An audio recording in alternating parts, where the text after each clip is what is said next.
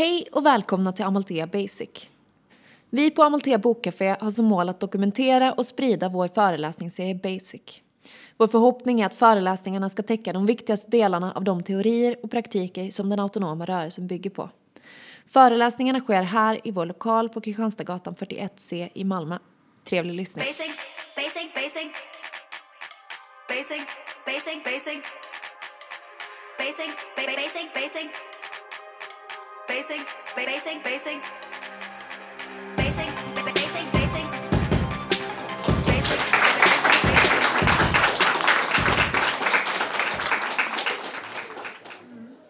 Uh, ursäkta?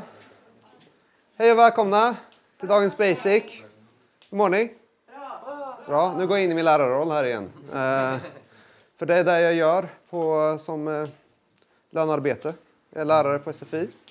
Uh, mitt namn är Tove. Hej Emma. Uh, och jag har pronomet hon. Är en uh, transperson. Lite nervös idag. Jag hoppas ni har förstående för det. Eh, dagens tema vi ska prata om transkamp. Trans och kamp tillsammans.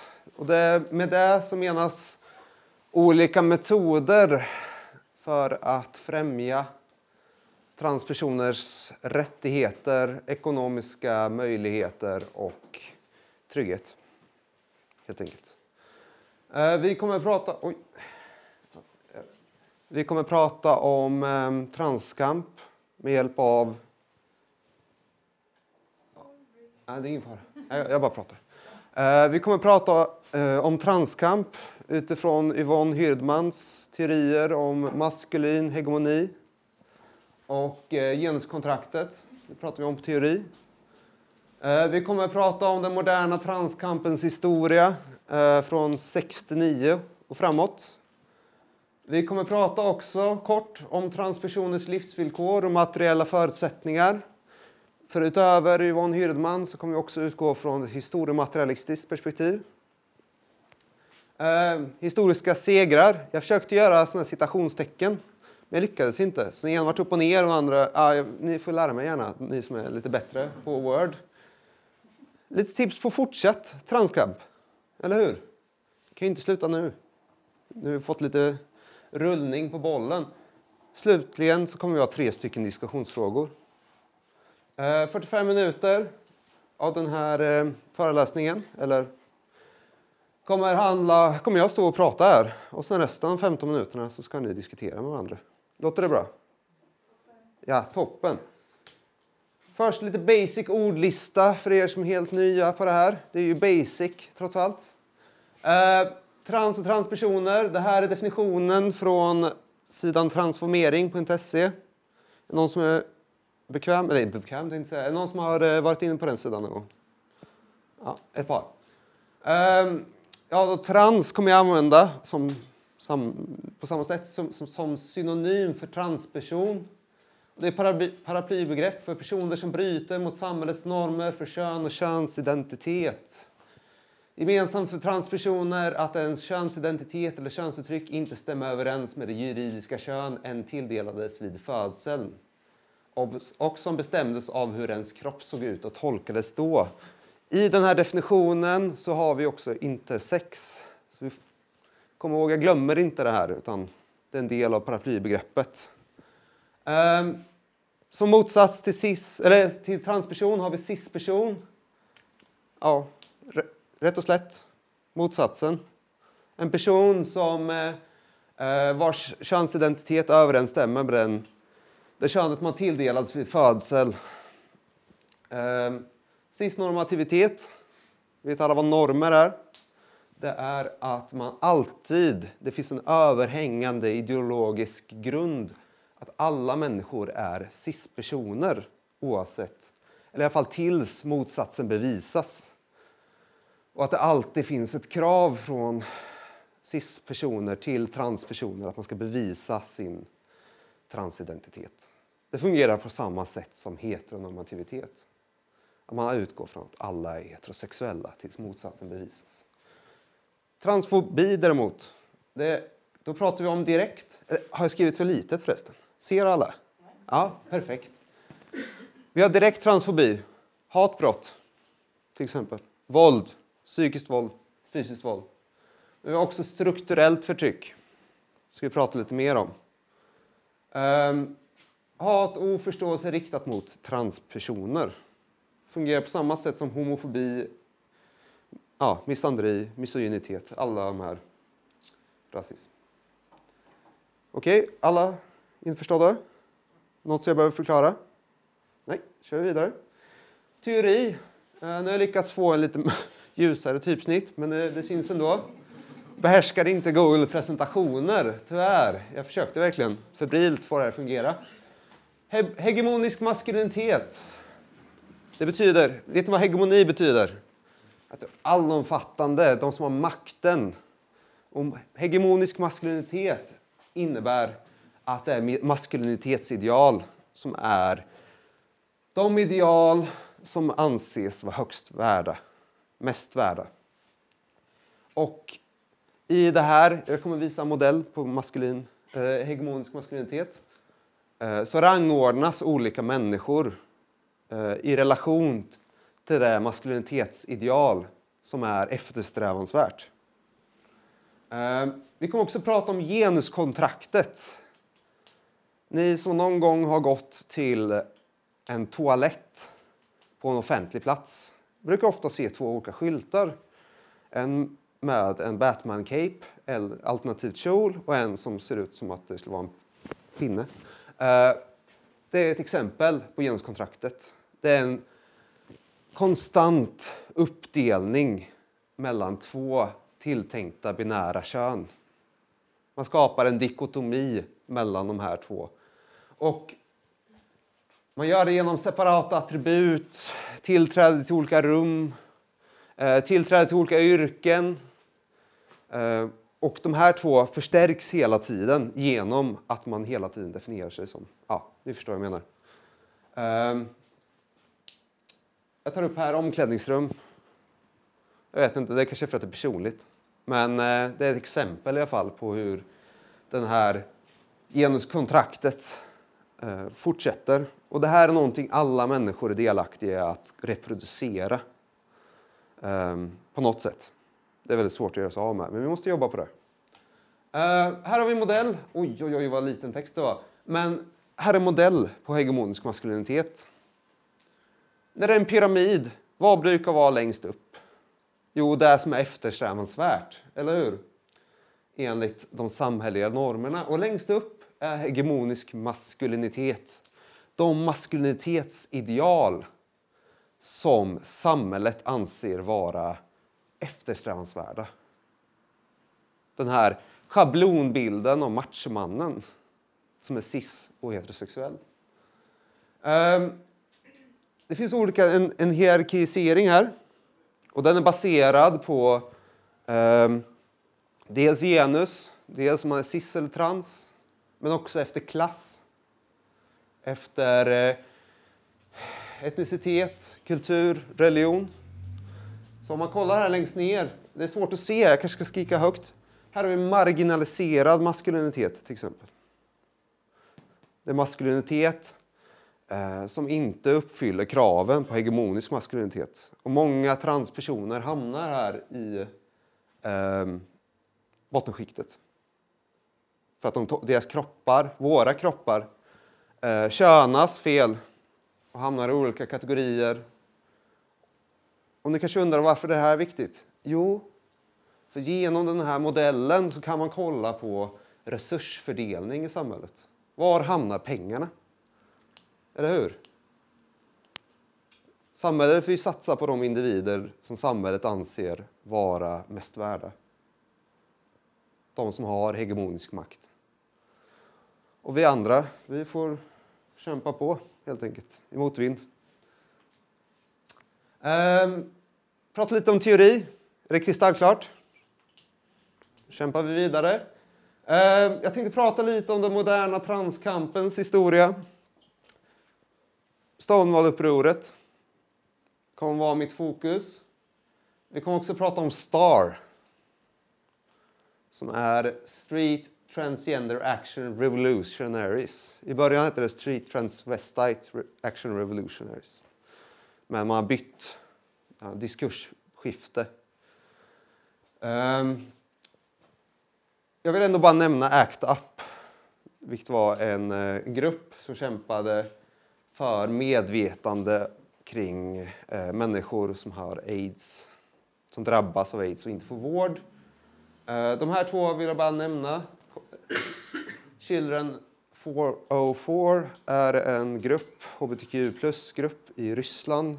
Eh, ni kanske har följt vad som händer i Ryssland just nu eh, med repressalier som jobbar med transfrågor. Och till slut ska vi prata mycket om transförsvaret. Det råkar inte vara så att någon är med i transförsvaret här. kanske man inte vill säga. Nej, bra.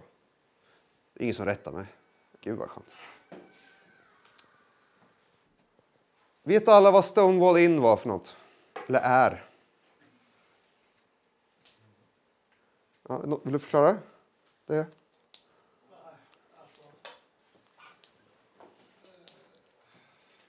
Nej, det, det är okej. Stonewall Inn var en eh, queerklubb i eh, New York 60-talet eh, som ägdes av maffian. Men var en av de få tillflyktsorter för transpersoner eh, och folk som var utanför hetero och cisnormativiteten.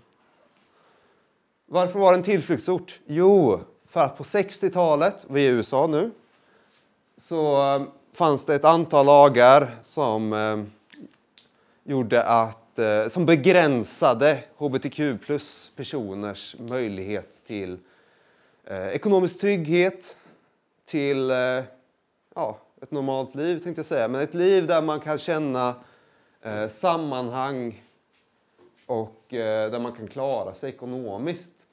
Och eh, dessutom var det eh, förbjudet med homosexualitet. Och det var också förbjudet eh, i och med att transpersoner felkönades så det var förbjudet att bära kläder som inte passar med det eh, kön man var tilldelat vid födsel. Så eh, transkvinnor och transmän blev arresterade och utsatta för polisiärt förtryck. Ehm, Queera barer som Stonewall in under den här tiden, de utsätts för razzior. Eh, hbtq-personer utsätts för polisbrutalitet i form av misshandel, våldtäkt och mord. Eh, ett flertal queera personer dör under den här perioden av polisen. Ja, rent ut sagt, ja, av polisen, jag vågar säga det. Um, annan bakgrund. Um, en stark alienering av personer som inte är högt upp i eh, den hegemoniska maskulinitetens pyramid. Folk som är utanför cis och heteronormativiteten. Man har inte möjlighet att arbeta som öppet trans. Man blir av med jobbet helt enkelt. Du, får, du blir inte anställd, du blir svartlistad. Uh, du får, blir av med din bostad också. Eh, du har inte tillgång till vård. Du har inte tillgång till någon annan av de samtliga samhälleliga säkerhetsnät. Du är helt on your own, så att säga. Och det är en bakgrund till den här eh, Stonewall-upproret som vi ska prata om. Det finns alltså inga ekonomiska eller materiella skyddsnät. Det finns ingenting att förlora. Frågor på det? Jag vill bara poängtera, jag skriver tvingas in i prostitution. Tar inte den debatten nu.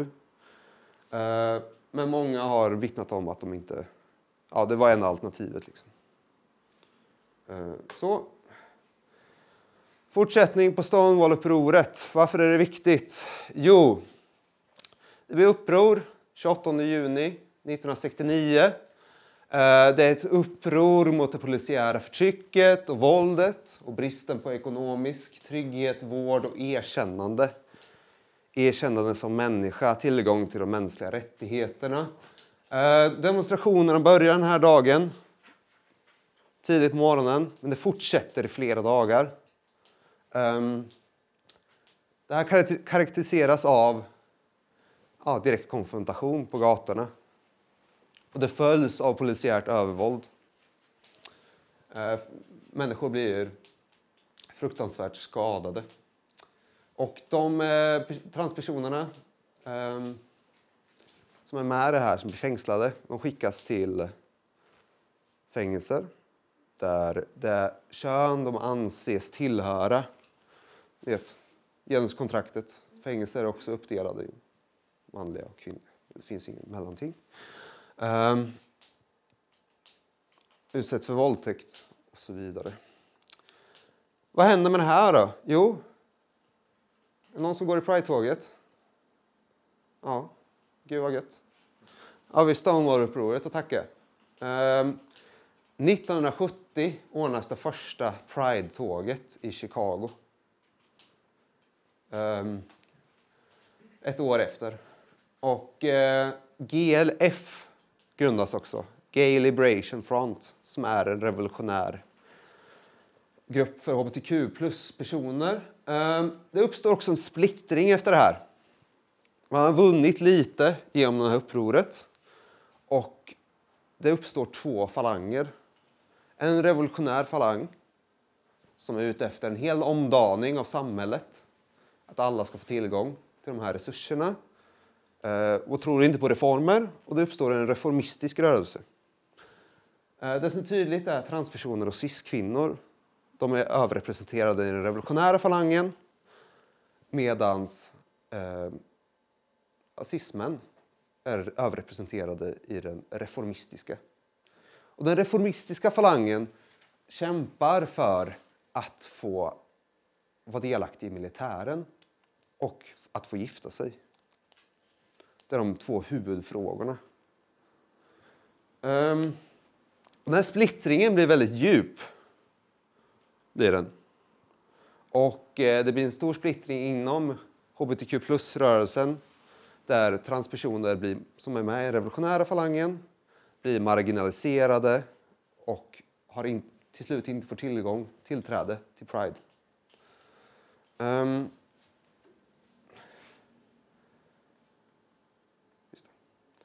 Vi kommer tillbaka till det här. Jag ska visa ett klipp sen. Något som också händer är att STAR ordnas, grundas. Ehm, och det grundas av Marsha P Johnson och Celia Rivera två stycken som var delaktiga i Stonewall-upproret. Man brukar säga att Marsha P. Johnson var den första som kastade stenen. Det kastades inga sten, det kastades mynt från början, så kastade man flaskor. Ehm, Marsha P. Johnson har själv förnekat det här. Ehm, de organiserar STAR. Först hette det Street Transvestite Activist Revolutionaries. Man bytte till transgender sen när diskursen ändrades. Och de försöker skapa ett alternativt socialt skyddsnät för de här människorna som är utanför och organiserar hemlösa transpersoner, dragqueens och queers som inte har en bostad eller arbete. Och man skapar Starhouse som är ett kollektiv där man får söka tillflykt. Eh, privata ägodelar kollektiviseras. Eh, Marsha P. Johnson och Sylvia Rivera försörjer det här eh, de, de säger själva, i sina i sin, Sylvia Rivera säger i sin biografi att de säljer sina kroppar så de andra inte behöver göra det. Um, kan man diskutera kring det, men, men eh, det, det, finansierar i alla fall Starhuset. Uh, jag tänkte visa en video. Det är lite triggervarning på den här. Det är från Pride 1970. Eller 1973, ursäkta. Uh, det är Sylvia Rivera. Ja?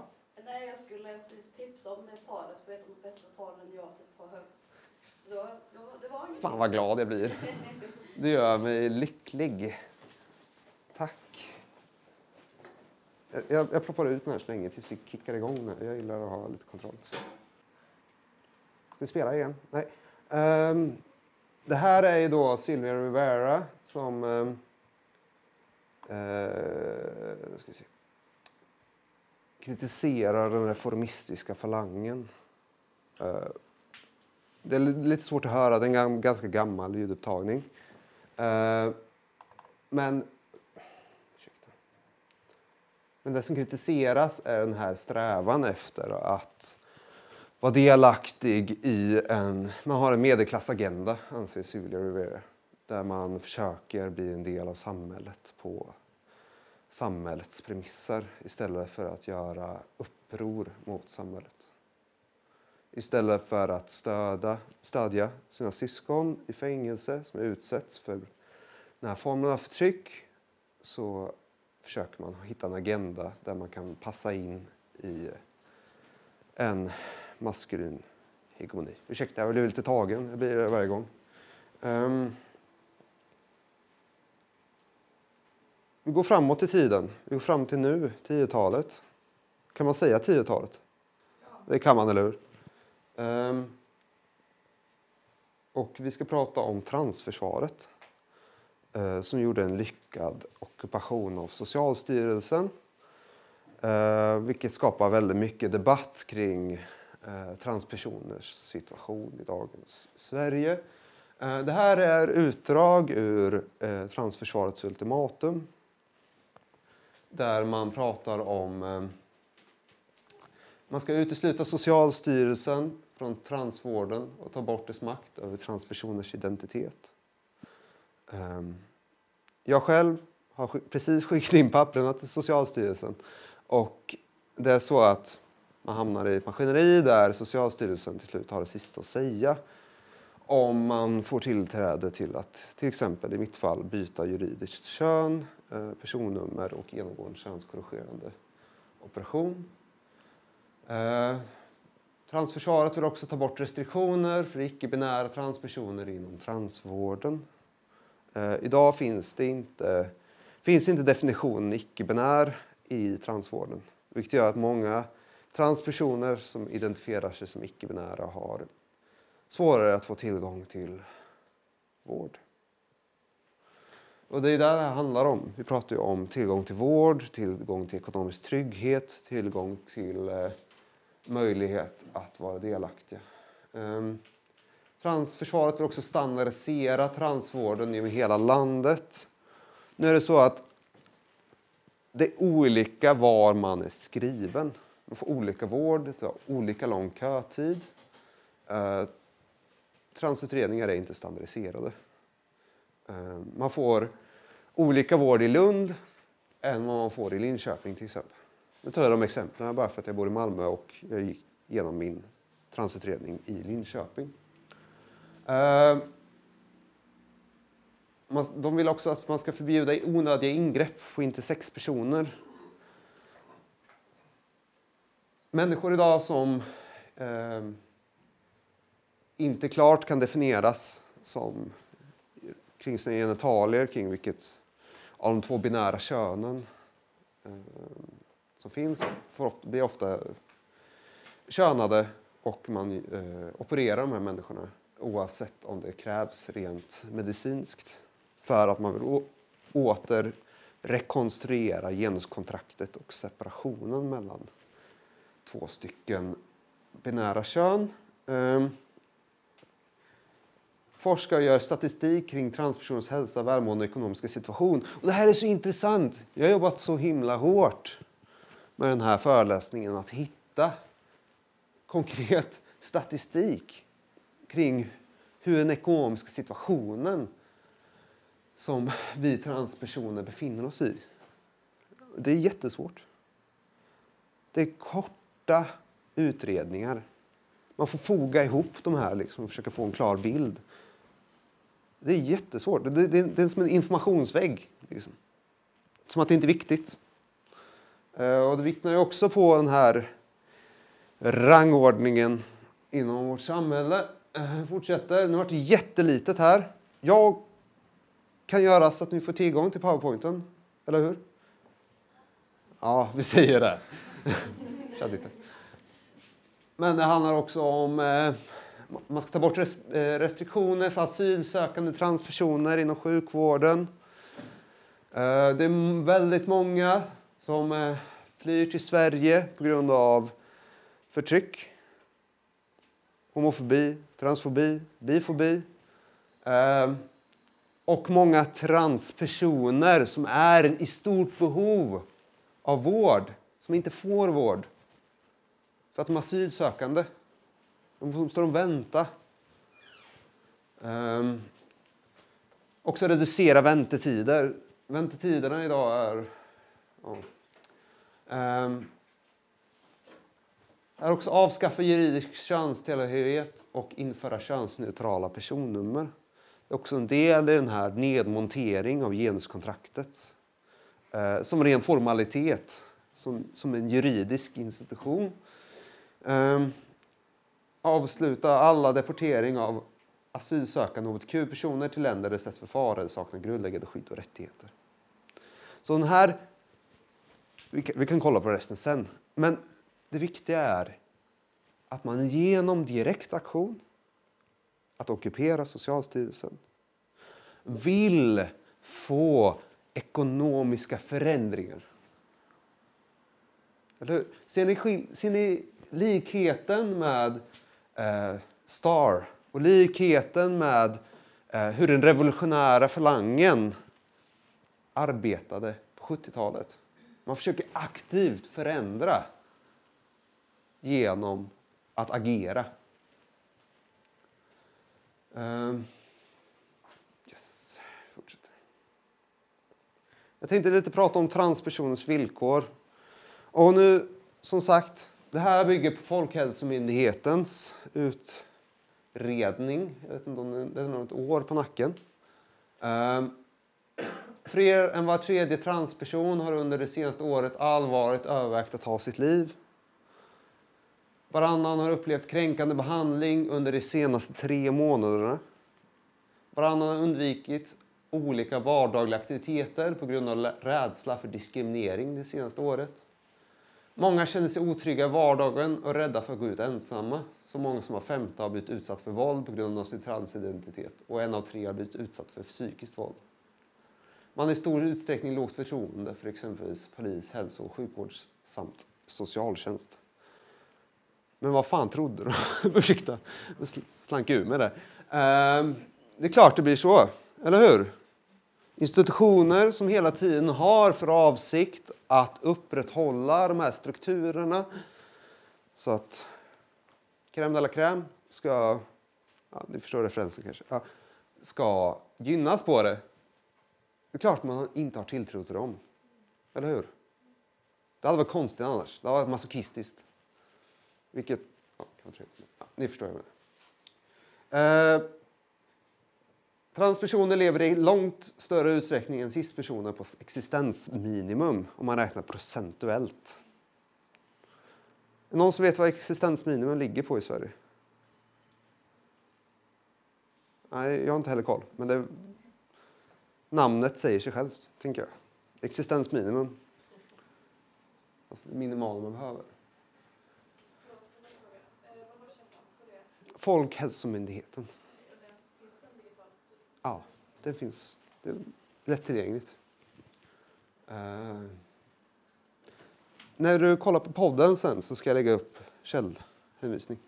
Så det är jättebra att fråga. Tack så mycket. Jag googlade existensminimum. Ja. 45 000 om året. 45 000 om året.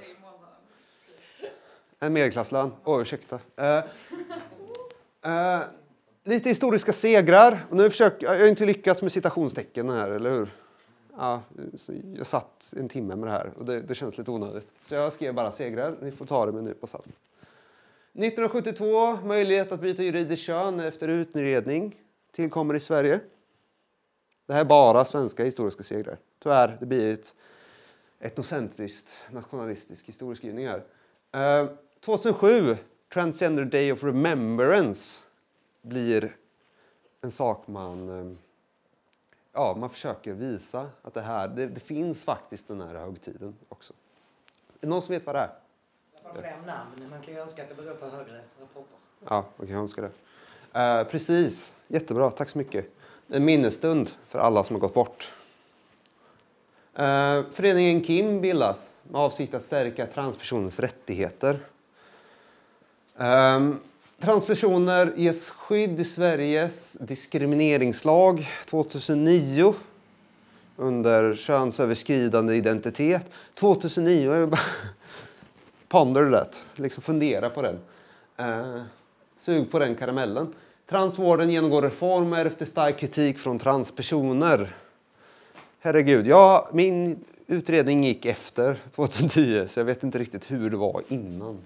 Eh, 2012, möjlighet att byta juridiskt namn oavsett genuskodning tillkommer. Man måste bara ha fyllt 12 år så kan man byta. 2013, tvångssterilisering av transpersoner upphör i formell mening. Eh, formell mening innebär att eh, man inte tvångssteriliseras. Men tillgången till att till exempel frysa ner sperma är väldigt begränsad och tar väldigt lång tid. Och har man väntat på hormoner så länge så börjar man innan och då kan man, får man inte tillträde till det. Innan så fick man inte byta juridiskt kön eller genomgå könskorrigering om man hade fryst ner... Vet du det? Kan, kan vi komma på ett finare? Tack så mycket. Könsceller. Tack. Jag, uff, det, det, tack så mycket. Könsceller. Eh, utan de var tvungna att förstöra dem först. Man fick liksom inte tillgången till... Man fick inte reprodu, ja, reproduktion.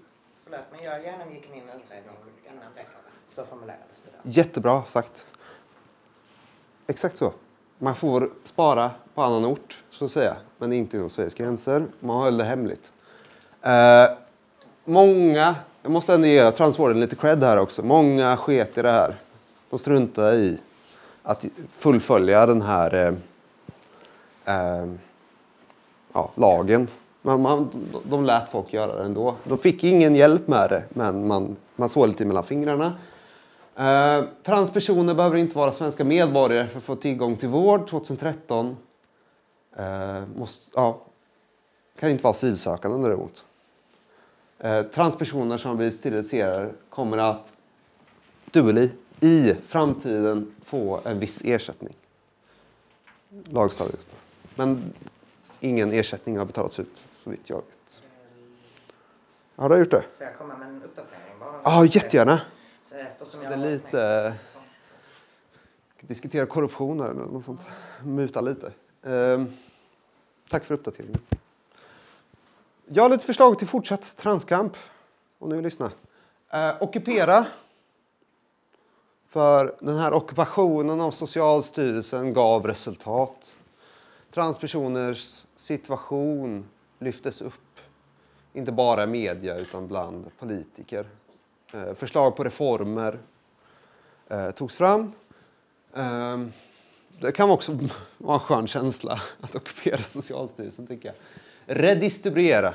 Har man möjlighet att dela på recept på hormoner om man har gått så långt i sin utredning som man inte behöver eh, just den, form, den formen. Till exempel jag, under ett års tid så har jag gått på östrogen. Jag får två former av östrogen. Jag får estradol, vilket lite plåster jag har på magen. Och sen så får jag DVL, som är en hjälm jag har på benen. Jag får tillräckligt mycket, jag får dubbla. Får jag. Så jag har tillräckligt mycket östrogen. Jag fick det, men mitt recept gick ut i december. Eh, men jag har tillräckligt mycket för att kunna redistribuera till andra. Oavsett vad Socialstyrelsen säger. Eh, inkludera. Att formulera kampen på ett sådant sätt att alla inkluderas. Så kan vi diskutera vad kampen är för något. Det är väl lite personligt. Oavsett transidentitet. Mm, det är viktigt också. Och att flera trygga rum konstrueras. Rum där man inte behöver vara rädd för fysiskt eller psykiskt våld. Vardagsaktiviteter som man inte behöver vara rädd att gå på. Eh, solidarisk ekonomi. Att, eftersom många transpersoner lever på existensminimum. Att man redistribuerar rikedomen, tänkte jag säga. Men där man har. Så att eh, man kommer på en jämnare nivå. Och normkritik. Det låter som vi drar det ordet fram och tillbaka. Och varje gång man gör det så förlorar det lite mer av innebörden. Men att man hela tiden granskar de här normerna som sätter transpersoner längst ner i hierarkin i många tillfällen. Eh, officiella strukturer kan vi motverka inofficiella hierarkier. Frågor på det? Jag kan börja med allmänna frågor om ni har något. Ja, men gud vad kul. Jag har jag lyckas hålla tiden första gången i mitt liv som lärare. Det är helt sjukt. Klockan är precis 45. Ja, det är, det, det är min största bedrift det här året tror jag. Um, tre frågor. 15 minuter. Fem minuter varje fråga. Uh, ni, ni får gärna diskutera allihop, liksom. Lite livligt så här. Eh, hur kan vi solidarisera med varandra för att stärka transkampen? Kan man ju det, liksom tolka den här frågan väldigt fritt inom transspektrat. Hur ska vi stärka varandra istället för att dela upp oss i olika fack? Hur kan vi i relation trans och cis stärka varandra? Eh, vad saknas i den moderna transkampen? Då får ni tänka lite ännu friare, för jag nämnde det lite vagt. Eh, och hur kan vi arbeta för att redistribuera resurserna bättre? Varsågod!